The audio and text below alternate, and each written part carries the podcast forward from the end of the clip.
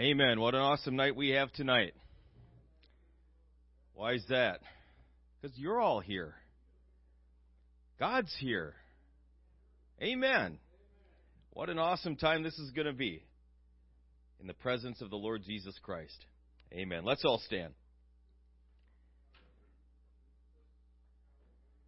The Lord Jesus Christ has offered us another day. He's given us breath and life and strength for the sole purpose of serving Him. Amen. What a privilege that is. What an opportunity He's given us tonight to enter into His presence, to magnify Him, to seek His face, to be found of Him this evening, and to receive of Him all that He has in store for us tonight.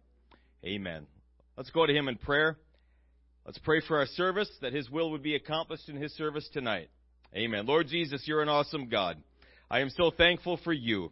I am so thankful for your so great salvation. What an awesome, awesome God we serve tonight.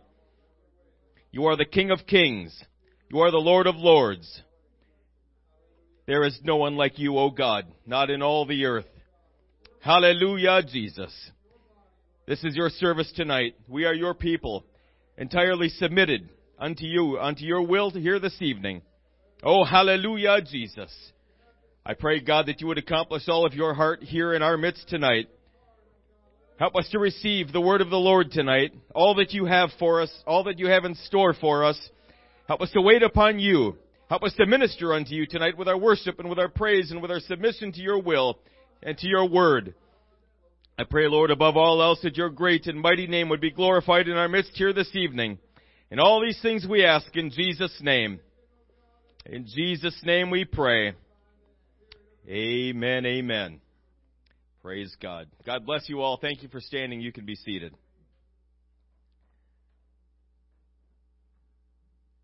Please don't forget this Saturday uh, from 8 to almost 9 will be men's prayer, but not men's prayer anymore. Prayer. All are invited. Amen. Uh, our business meeting will start promptly, I pray, at 9 o'clock uh, or as soon as possible uh, at 9. so if you're a voting member, please be here. Amen. Yeah. Missionary. That's right. There is a missionary. Uh, because we're live streaming, he, he, he is from a sensitive nation. We do not have a picture of him. We will not broadcast his name. Uh, if you want, I can tell you, uh, not broadcasting, but please don't post anything on social media. Uh, he was telling me some some horror stories about that, and uh, it's a real thing. Uh, it's a real thing. So uh, we are not going to be live streaming that service. Uh, so if you do want to come and, and hear the missionary, I encourage you please come in person. Amen. We will not be live streaming that service. Amen. Tonight, we will be teaching, preaching uh, on men and women. You guys know we have both here, right? Got some of each. I was going to play a, a, little video to to introduce this. Most of you probably have seen it, but I uh, I forgot about the copyright issues and all that. Anyway, uh, we don't have it, but there are some differences between men and women. Maybe you figured that out by now. Uh, we're not going to focus too much on that tonight. Uh, we will, of course, follow the leading of the Holy Ghost, but uh, well, in any case, let's get started. How about that? Genesis 1:27. Genesis chapter 1 verse 27 states this. So God created man in his own image. In the image of God created he him, male and female created he them. Amen. Now we understand here tonight as Christians, as biblical Christians, seeking to serve God, to please Him in all that we do, say, and think, to submit ourselves to Him, and to follow after Him with all of our heart. We understand that ultimate truth is found in Scripture. We understand that foundational presuppositional truth is found only in the Word of God. That's the basis for every other truth, every other philosophy, every other belief system that comports with reality, that is consistent internally and externally. It's got to be based ultimately on Scripture. To say, state it another way, if the Bible is not true, then nothing else can be true. Everything else leads to absurdity. Okay, we've talked about that in previous messages. Just to recap everything is based on Scripture. All truth is found in the Word of God. Amen. Including our ideas of men and women. They are found in Scripture as well. Now we understand today that all of that is being turned upside down, inside out. We understand that uh, men are not really men anymore. Women are not really women. In fact, uh, they're trying to homogenize the whole thing and kind of just mix it all together into a an it or Zed or whatever you want to call it, whatever they call it. But we don't find that in Scripture. And my purpose here tonight please understand, is not uh, to condemn. It's not to start a fight. It's not to uh, just get up here and angrily uh, shout out against something I don't believe in. My purpose here tonight is to explain from the Bible what a man is, what a woman is, and why that's important. the man was created first. He was given dominion over God's creation. Later, we find that he's given authority over Eve, his wife. It was to Adam that God gave commandment, not to Eve. And there are many physical and psychological differences between the two. Okay, the woman created after man out of out of man's side, out of one of his ribs. It's only Adam that's missing the rib though. Okay, please Please don't look for your missing rib, guys. It's not. It's it's all there. Later, Eve was placed in a position of submission to her husband. Eve received the commandment of God from Adam. And again, physical and psychological differences between the woman and the man. In Genesis, we also find the marriage covenant, which we'll also be talking about. This is the first institution that was ordained by God. It was ordained before the fall. It was ordained before the sacrificial system, before human government, before the tabernacle plan, and certainly before the church. God instituted the marriage covenant. The marriage covenant, covenant is to be instituted between one man and one woman. Okay, not a man and a man, not a woman and a woman, not a man and a, a, a beast, not a man and their pet. Not a man and two women. One man, one woman. Okay? There are only two sexes created by God. Not five, not 29, not zero, but two.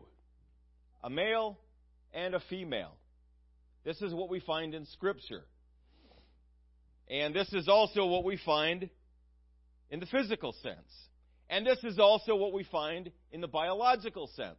And this is also what we find in the genetic sense. The only time we find something different is when we get into the realm of opinion or emotion. Okay? There are two sexes and only two sexes. They are males and there are females. They were created separately, they were created distinctly. They were created both for their specific reasons. We all have our roles to fulfill. We all have our purposes to fulfill. Men are not going to fulfill the roles of women. Women are not going to fulfill the roles of men. They are both equally important. They are equally important. I can't stress that enough. They're equally important. But the roles are different.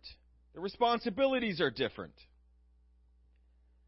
Today, the world seeks to confuse and to obfuscate the obvious biological and psychological differences between men and women. The world wants to mix the two up. That's what they want. They want confusion. They want men to be women, they want women to be men. The world wants to break down the sanctity of the marriage covenant and destroy the family unit. How successful have they been so far? Pretty successful.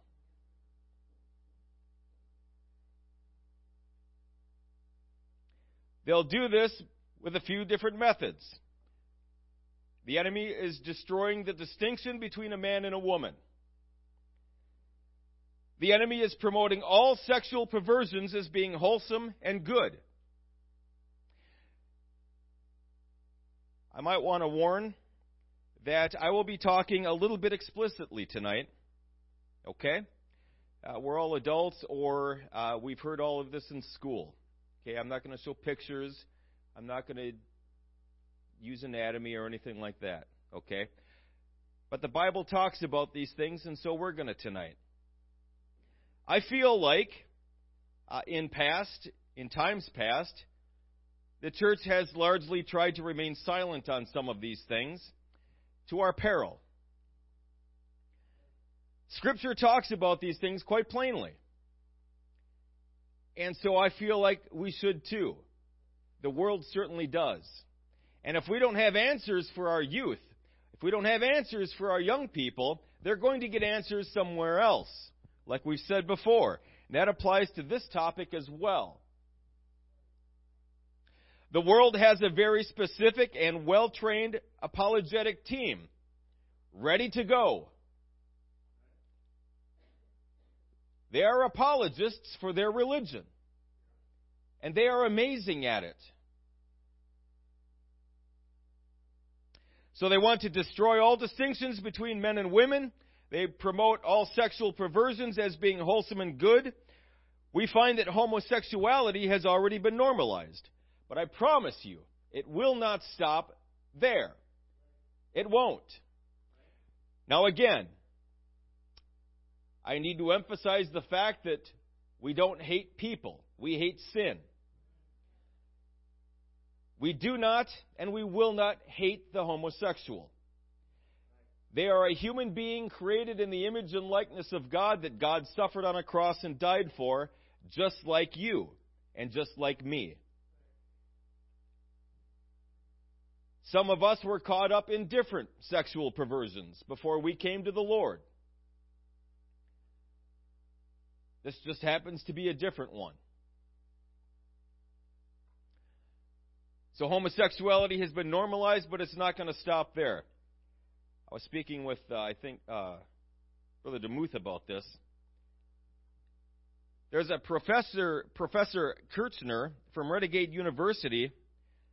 Uh, there's a there's a videotape of him speaking with another professor, a colleague of his, and he claims to, for 25 years in his classroom, been advocating adult child relationships. He's been advocating this in his classrooms for 25 years, according to the man himself.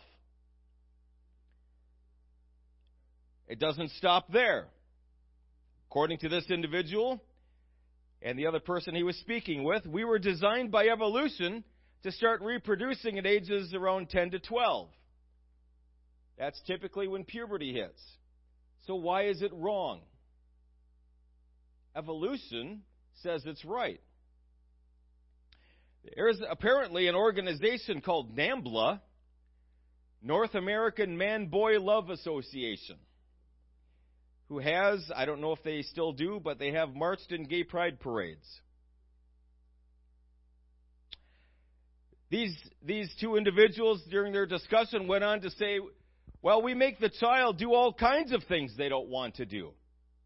Clean your room. I don't want to clean my room. We'll clean it anyway. You got to go to school today. I don't want to go to school. You're going to go to school. So what's the difference? You're going to sleep with this adult. I don't want to sleep. You're going to sleep with the adult.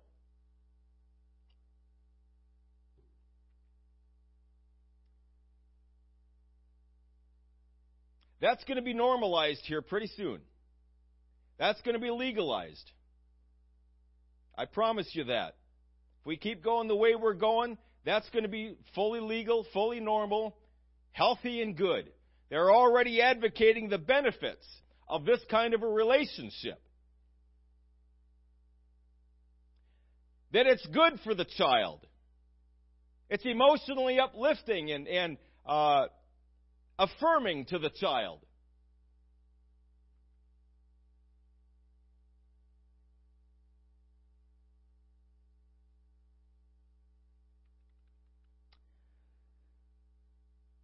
God wants the sexes separate and distinct. He wants them inviolate. There is no mixing of the two. Males are all male, females are all female. God created the family unit, and it's perfectly designed for allowing both man and woman to fulfill their God given positions and purposes, and for creating a safe, loving environment for the raising of healthy children. The family unit is perfect for those things. It's perfect. It's designed by God to do exactly those things. We read in Deuteronomy chapter 22 and verse 5 The woman shall not wear that which pertaineth unto a man, neither shall a man put on a woman's garment, for all that do so are abomination unto the Lord thy God. Okay, this is one, one verse. I could have pulled many verses pertaining to the distinctions between men and women. Okay? But, Brother Becker, there are cultures around the world today that men wear dresses, men wear robes. That's true. Can't argue with that.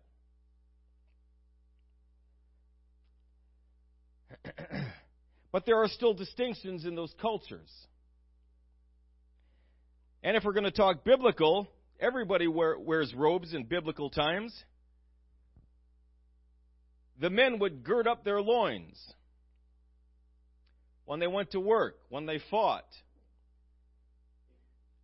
In Job 38:3, we read this specifically. God talking with Job and tells him, Gird up now thy loins like a man. Like a what? Like a man. Women don't gird up their loins. Men do.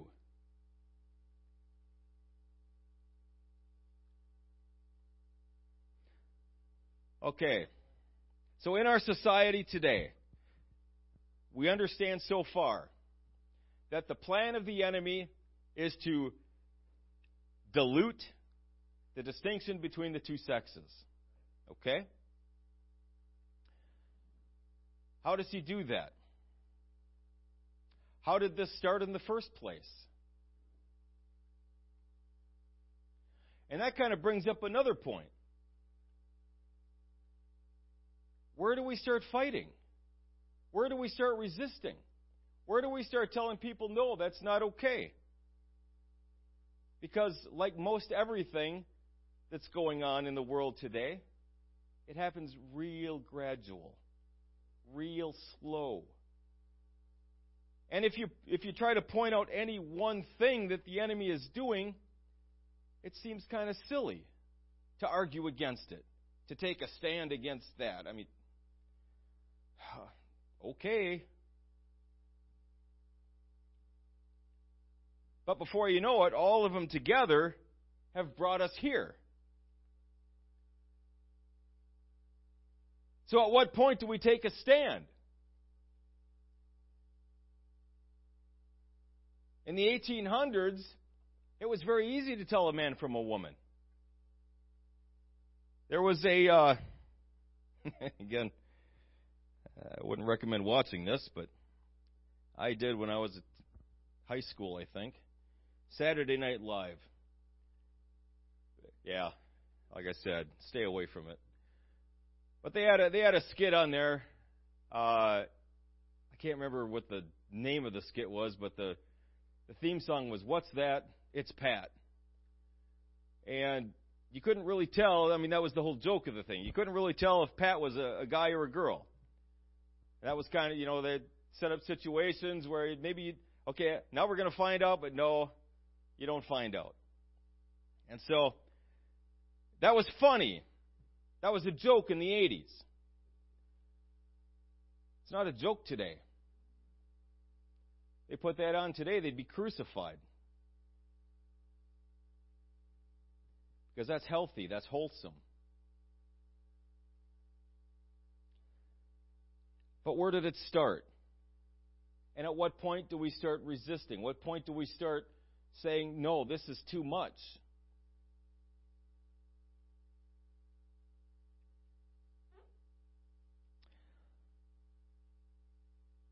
Well, men, husbands, fathers, this is where you step in.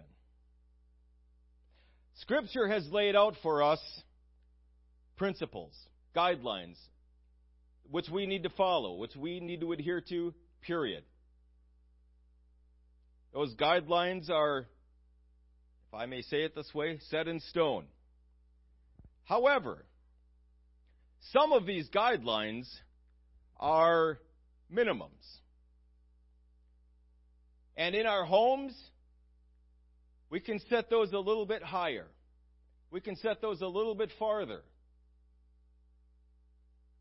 And that's up to the husband to do that. Men, women, the husband is the ultimate authority in the home.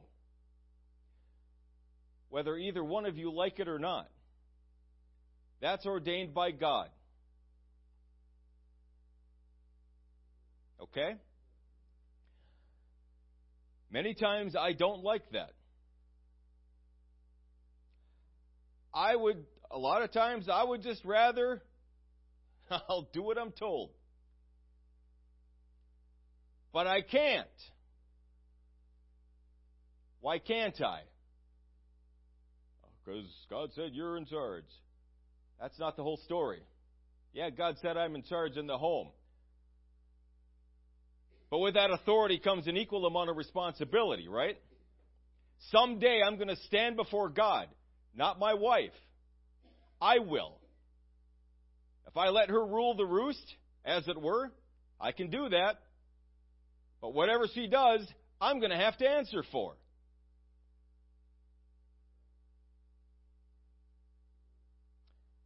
That's why God gave men the authority in the home, because we have the responsibility before God to discharge that faithfully in the fear of God. It's an awesome thing to have that responsibility. You ought not seek it lightly. So, men, you have the authority, you need to use it. Prayerfully, lovingly, in the fear of God but you need to use it. Women, you need to let Him. You need to let Him rule. You need to let Him be in charge. Will He be perfect? we all know that's not the case. They are not going to be perfect. We are not perfect, ladies. Good thing you're sitting down, right?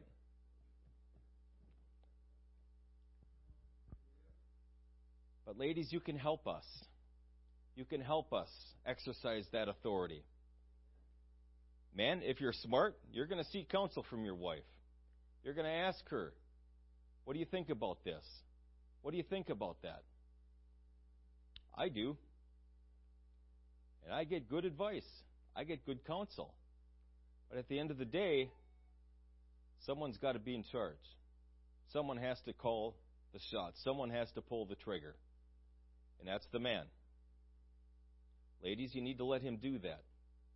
You're not the one responsible before God. So you have no responsibility here whatsoever. That's not entirely true. But at the end of the day, it's the man that's going to stand before God, not you. One thing you need to exercise authority in, husbands, fathers, is the standards of your home. The principle, if we look at Exodus chapter 19, verses 10 through 13. Exodus chapter 19, verses 10 through 13, we read this. And the Lord said unto Moses, Go unto the people and sanctify them today and tomorrow, and let them wash their clothes and be ready against the third day. For the third day the Lord will come down in the sight of all the people upon Mount Sinai. And thou shalt set bounds unto the people round about, saying, Take heed to yourselves, that ye go not up into the mount, or touching the border of it. Whosoever toucheth the mount shall be surely put to death. There shall not an hand touch it, but he shall surely be stoned, or shot through, whether it be beast or man. It shall not live. When the trumpet soundeth long, they shall come up to the mount. Okay, so the principle here is this God gives commandment, but He allows the chosen authority to dictate exactly how it's carried out. Rules and standards in the home are directed by the husband as long as they are in accordance with God's word. Some husbands are going to be the bare minimum. I feel, you know, I, I feel like before God, this is okay to wear for my, my daughters. This is okay to wear for me and my sons. This is okay to wear for my wife. Other husbands may be more strict. They may be more lenient. But as long as it's in accordance with Scripture, after that, that's the responsibility of the husband. If we look at pastors, there are all kinds of different pastors, all kinds of different leadership styles, all kinds of different standards. I know, I know personally, pastors, they're going to set very strict standards for being up here. And they're going to set those same standards for the entire congregation. Now, is that right or wrong? It's not for me to say. I'm not the pastor there. I wouldn't do it that way. But that's what he's decided to do. Other people swing the other way. Well, just let any old buddy up here. Doesn't matter. We're just going to worship Jesus. I wouldn't go that road either. But again, that's that's me, not him. So you see what I'm trying to say here. God gives us sometimes some leeway as to where we set those bounds. Okay? And that's where the man, the husband, the father comes in. prayerfully in the presence of God, you need to determine for your family where those lie, where those boundaries are. And it doesn't apply to just dress. That's what we're covering differences between men and women, but it doesn't apply to just that. It applies to what you allow your family to watch, what you allow into the home, what you allow them to listen to. That's your responsibility.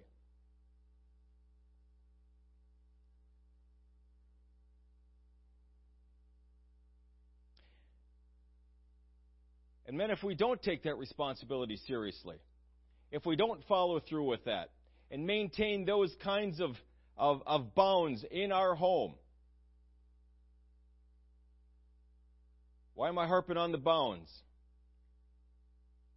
Because that's what it looks like without. No bounds. No boundaries. No rules. That's what it looks like. Jesus gives us boundaries in His Word for our protection. We lay boundaries down in our home for our family's protection.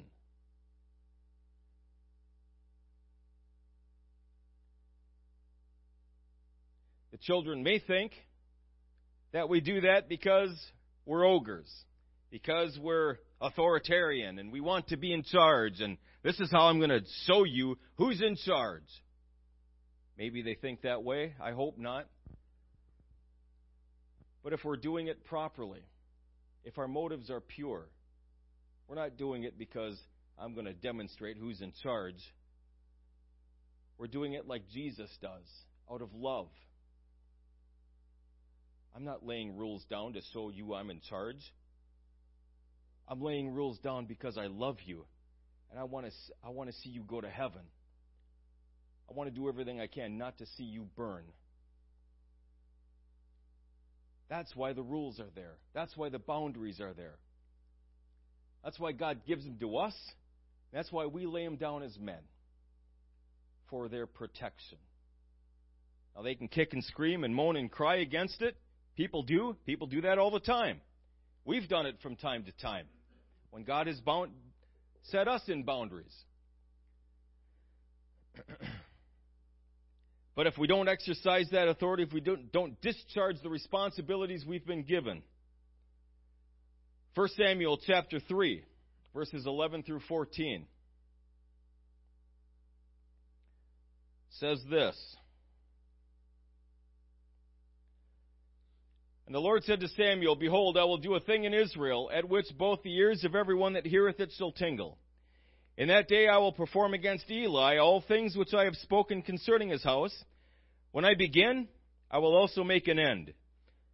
For I have told him that I will judge his house forever for the iniquity which he knoweth, because his sons made themselves vile, and he restrained them not. Therefore I have sworn unto the house of Eli that the iniquity of Eli's house shall not be purged with sacrifice nor offering forever. Seems to me like God takes this responsibility pretty seriously. It seems to me like when we don't do what we are called to do as men, as fathers, as husbands, we're going to be held accountable for that. And I can't stress this enough because of what's going on out there, because of what's being taught to our children, our young adults, both men and women. They are confused beyond, beyond any secular hope. They are confused. What does it mean to be a man? They have no idea. They don't. What does it mean to be a woman? They have no idea. God lays it down very plainly. This is what a man is. This is what a woman is. And we find truth in Scripture, yes? That's where we find all truth. If at any point, anything, not just out there, even in here, contradicts the Word of God, it's wrong. The Word of God is true and every man a liar. It's true. Period. And if at any point anything contradicts it, it's wrong. God created men and He created women. He created them separate and inviolate. Never the twain shall meet. Men don't dress like women, women don't dress like men. Men don't act like women, women don't act like men. Well, then, if that's the case, there must be a way for men to dress. If that's the case, there must be a way for men to act. And there is. There most certainly is. Think we'll get to that in just a little bit. Leviticus chapter 20, verses 10 through 21. it's a long passage of Scripture. Not an especially fun read. This is where the Bible lays out for us all the different kinds of sexual perversion, sexual immorality.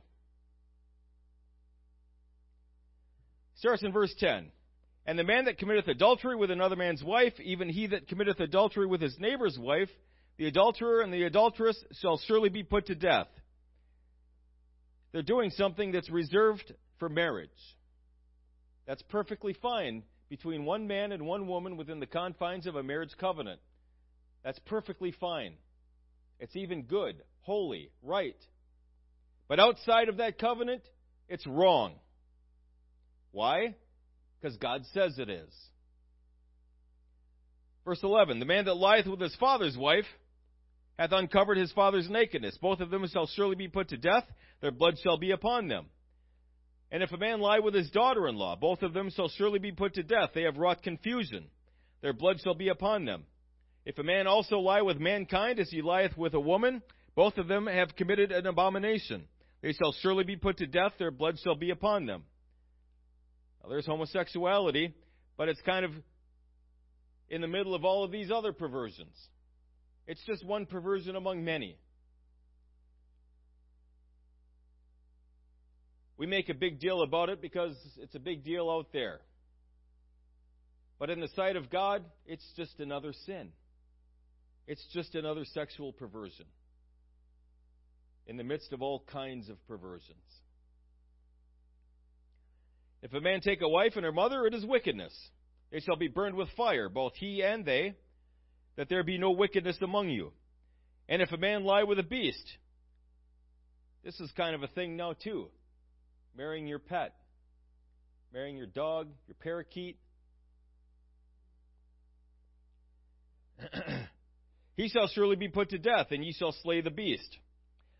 And if a woman approach unto any beast and lie down there too, thou shalt kill the woman and the beast. They shall surely be put to death, their blood shall be upon them. And if a man shall take a sister, his father's daughter, or his mother's daughter, and see her nakedness, and she see his nakedness, it is a wicked thing, and they shall be cut off in the sight of their people. He hath uncovered his sister's nakedness, he shall bear his iniquity.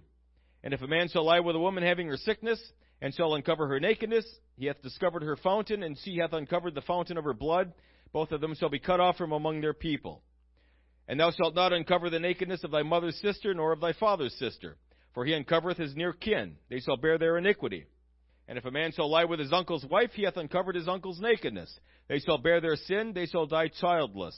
And if a man shall take his brother's wife, it is an unclean thing, he hath uncovered his brother's nakedness, they shall be childless. So basically, what we see here in this long passage of Scripture is Keep it within the confines of marriage. And you're good. That's all we need to know. Anything else is an abomination in the sight of God. It's to be kept within the marriage covenant between one man and one woman, period. That's it. And we're good.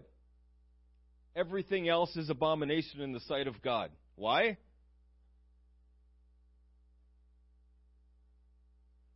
We see it all through the Old Testament. Why? God continually compares Israel to his bride, who has went a whoring after other gods, who has broken covenant with his with him.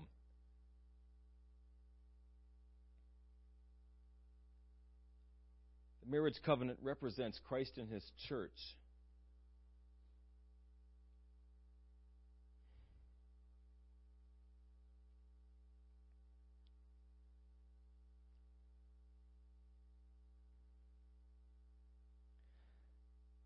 I read this in a book a while back. Love and Respect, I think the thing was called. In Ephesians chapter 5, verses 23 through 25, it says this Wives, submit yourselves unto your own husbands as unto the Lord. For the husband is the head of the wife, even as Christ is the head of the church, and he is the Savior of the body. Therefore, as the church is subject unto Christ, so let the wives be to their own husbands in everything. Husbands, love your wives, even as Christ also loved the church and gave himself for it. After it was pointed out to me, I found it very interesting that husbands were not commanded to respect their wives. Wives we're not commanded to love their husbands. Interesting fun fact, and this is statistically true, uh, it's culturally agnostic. Uh, men, we want both respect and love. But if we only had to choose one, 99 times out of 100, the man will choose to be respected versus loved. They would rather, they had one to choose, could only choose one, they would choose respect. The women, completely the opposite. They would much rather be loved than respected. So it's interesting that God must know this because He commanded the wives to respect their husbands. Submit yourself unto your husband. They commanded the husband to love your wife. Interesting.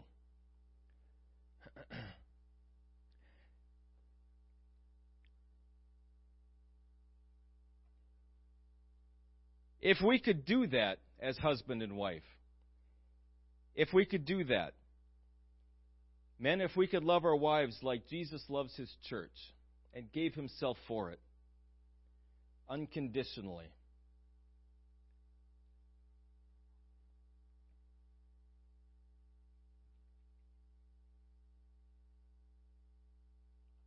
Wives, if every one of our wives could submit themselves unto their own husbands as unto the Lord, recognizing that the authority of God rests upon him.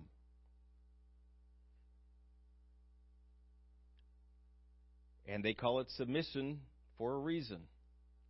Submission is not agreement. Submission is most likely disagreement and doing it anyway. When I was a new convert, and I learned the hard way about spiritual authority, I finally got it a little bit. I recognized that submission to my pastor was not necessarily agreeing with him. If I'm agreeing with everything the man says, well, submission isn't really necessary. I'm already there, right? It's when I disagree, but I do it anyway. That's what submission is. And this isn't just to the wives. This is to all of us. Every one of us have authority in our lives that we need to submit to. Authority placed in our lives by God. And we need to submit ourselves to that because they carry the authority of God. We are submitting ourselves to God in submitting ourselves to them. Are they going to do it perfectly? Of course not. Depending on who they are, they may not even be Christian. So they're going to have all kinds of foibles and, and psychological damage and whatever it is. They may be a really good leader, they may be a really poor leader. But we're called to submit anyway. There are wives that have wonderful husbands. My wife. What a lucky girl she is. uh,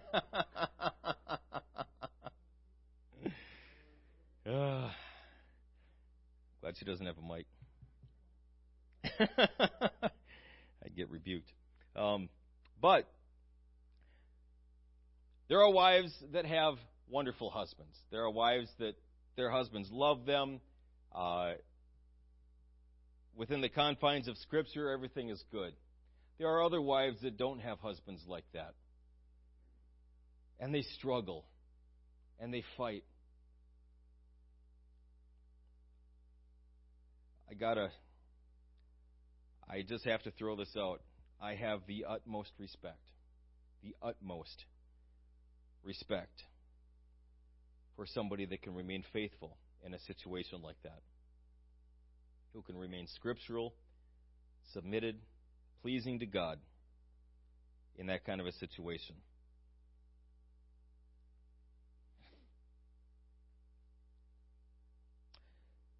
So there are differences between men and women. We all understand that.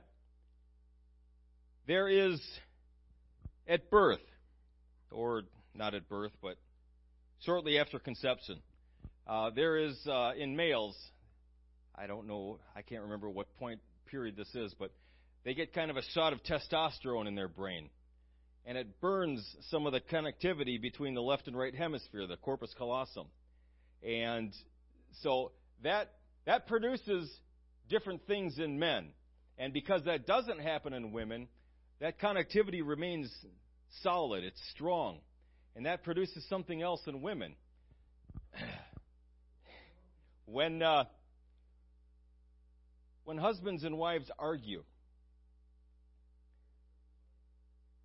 women can remember everything that you ever said, did, they remember what you were wearing.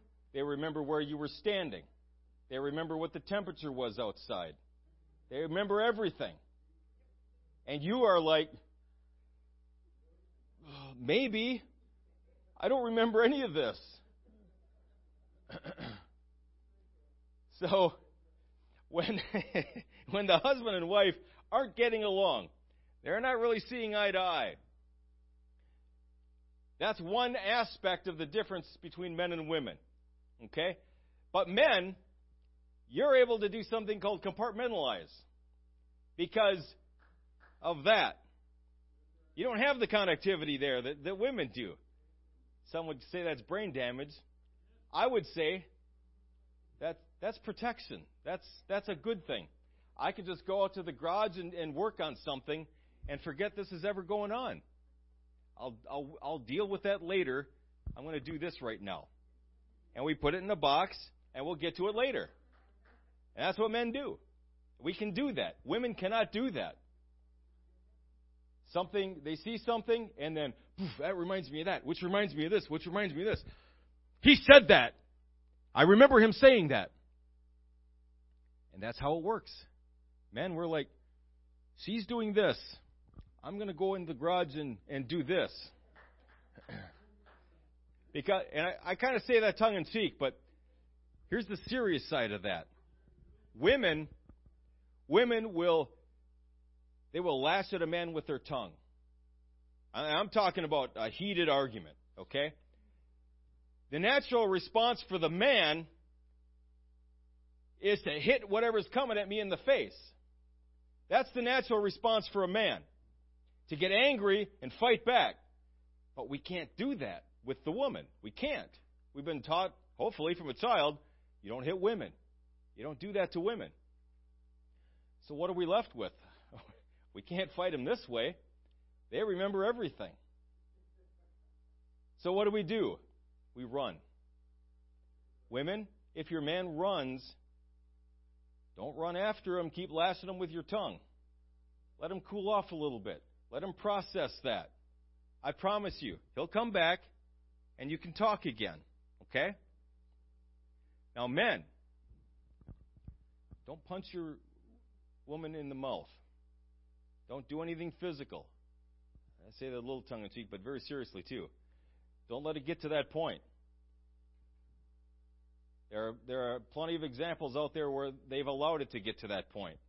And most of the time, they immediately regret it. In, in psychology, it's called an amygdala hijack. Okay? There's a part of your brain called the amygdala. And when it gets stimulated, it bypasses uh, the cerebellum and it bypasses your thought process. And it just acts. So when that kicks in, it's you know you'll hear testimonies later. I just I just saw red and, and they were laying there on the floor. I don't know. I must have done it. I don't remember doing it. But that's a serious thing. So, I don't know why I'm even getting on this. Um, there's differences, okay? use those differences for good. Now, when the man and woman are not fighting and they're, they're getting along splendidly, these work in unison together. Okay? The man and the woman, they work in unison together. They complement one another. the husband is the warrior, the fighter. And instead of fighting your wife, I'm going to fight those threats that are coming in from the outside. Fight the enemy. Fight the world. Fight whatever it is coming at my family. We want to be out front. We want to take the hits. That's who we are. We're men. We fight. We want to be the hero. Ladies, I think probably your dream growing up is, is the wedding day. Is that generally true? You, know, you think about the wedding, you plan it, the wedding dress, and all of that stuff. Well, I think I'm not too far off when I say for men, it's a grand adventure. It's becoming the hero of the story. Going off and finding a great big thing of treasure. Saving the damsel in distress. Being the hero. Your man wants to be the hero, wants to be your hero.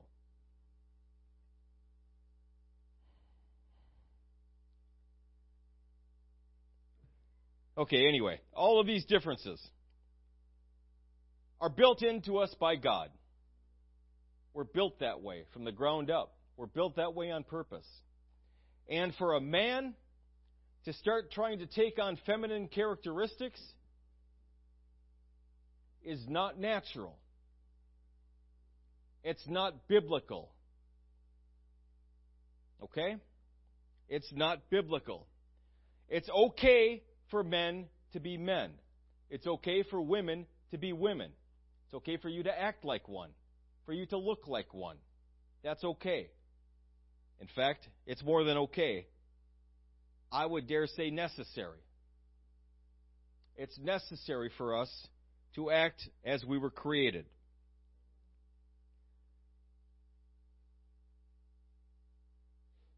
God's purpose in creating man and woman, God's purpose for creating the, the marriage covenant was again, as an example, a type of Christ's relationship to us, Christ's relationship to the church. He's the man, the church is the woman. He's the bridegroom, we're the bride. And just like in the marriage covenant, it's till death do us part. So it is with the covenant he establishes with us. And all of these things completely lose their meaning if we allow that.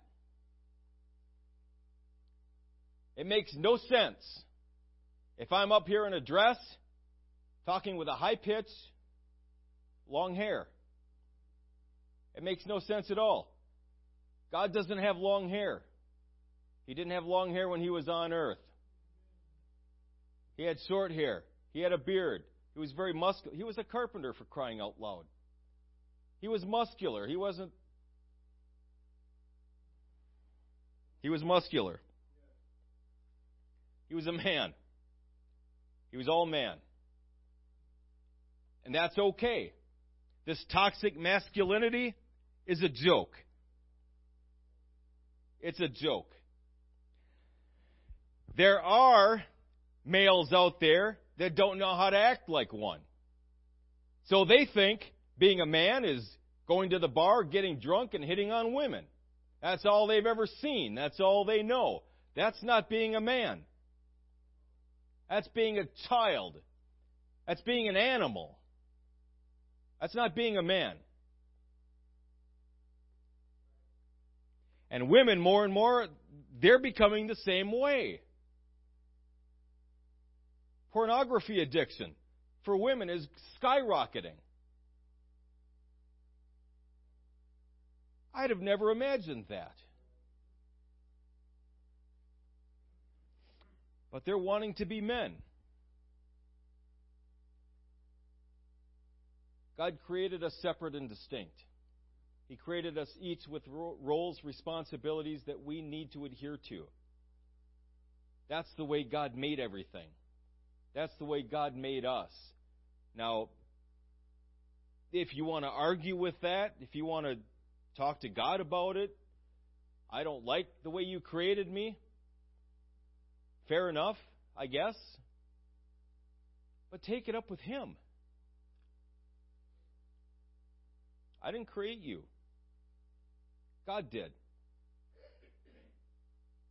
If you don't like the, what God made, uh, take it up with Him.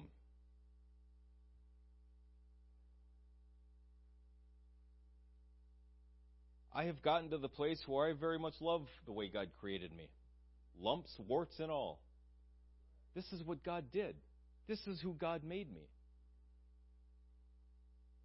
If it were up to me, I'd have done things differently I'd be a little higher, a little more mop on the top, better singing voice, you know, little tweaks here and there.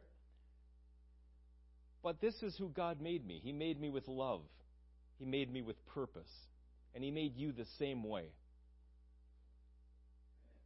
There's a scripture. I'm going to slaughter it. Brother Park will correct me. Where the potter or the, the clay is shouting to the potter, Why have you made me thus? How ridiculous. That makes no sense, right? That's exactly what we do. When I'm a man and I'd rather be a woman, or I feel like God really meant for me to be a woman, but I'm stuck in a man's body, I mean, I don't doubt that people believe that, but it's wrong. It's not scriptural. God created you a man, and He did it for a reason. He did it with purpose. And He wants you to fulfill that in your life. Same with women. He created you to be a beautiful woman, to represent femininity. And He wants you to do that with purpose. And He, he created you that way with love. And He wants you to, to move forward in that. And that's good, and that's wholesome, and that's right. And it's necessary. What they're doing out in the world today is specifically against the plan of God. Everything that they're doing in the world today is uh, in direct opposition to every part of Scripture. If it's going on in there, you can find the exact opposite in Scripture. I promise you, somewhere. And that's why it's going on out there. Because they are diametrically opposed to everything righteous and holy and godly. That's why they're destroying the family. That's why they're destroying the distinctions of the sexes. That's why they're doing everything that they're doing. So it's up to you and me, as ambassadors of Jesus Christ, to properly reflect who God created us to be. We have a responsibility to this world, not only to reflect that in our own lives, but to be able to teach that to others to mentor others. When new converts come into this building, they're going to be confused, confused out of their minds, especially the young people. They won't have a clue what's going on. So, with love, with compassion, with patience, we need to mentor them, both men and women. Teach them what it is to be a Christian man. Teach them what it is to be a Christian woman. That's what's necessary. That's the plan of God for us. Amen. Let's all stand.